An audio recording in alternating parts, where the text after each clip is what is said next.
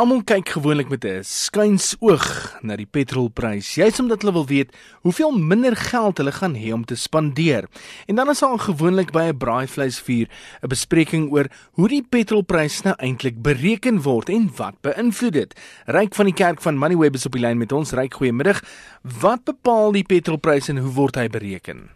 Okay, die die petrolprys is nog 'n taamlike ingewikkelde formule.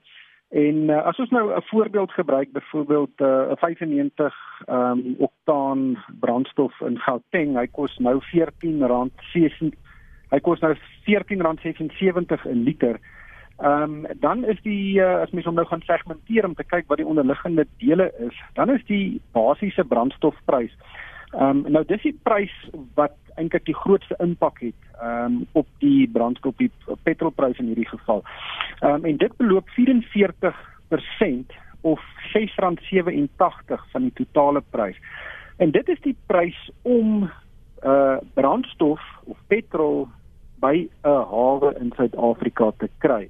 So nou gaan kyk ehm um, die departement van uh energie Ehm um, en hulle gaan kyk uh, wat is die koste van ruolie in die buiteland, wat is die koste van die raffinaderry, uh met uh koste om daai petrol te maak, um, en dan ook die koste van die verskeping om dit hier te kry.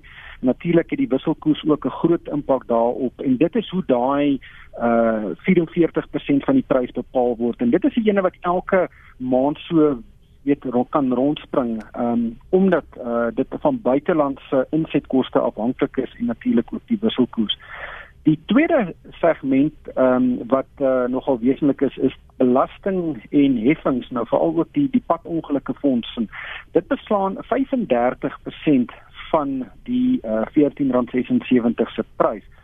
Nou ehm um, dit is ook die segment wat die vinnigste klim. Nou eh, net 'n voorbeeld hoeveel belasting jy betaal as jy petrol ingooi.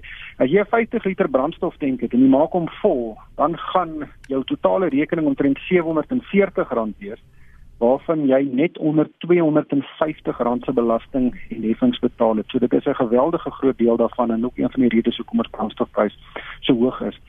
Die derde segment wat ek net wil uitlig is die kleinhandel winsgrens. Dis die die uh, die geld wat 'n kleinhandelaar of 'n petrolstasie eienaar in sy sak steek. Dit is net 13% van die prys of R1.81.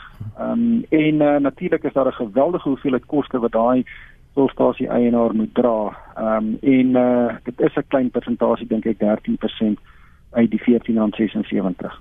Sedert die begin van die millennium het die petrolprys nogal baie gestyg. Op 1 Januarie 2000 sou 93 oktaan petrol jou R2.81 uit die sak gejaag het.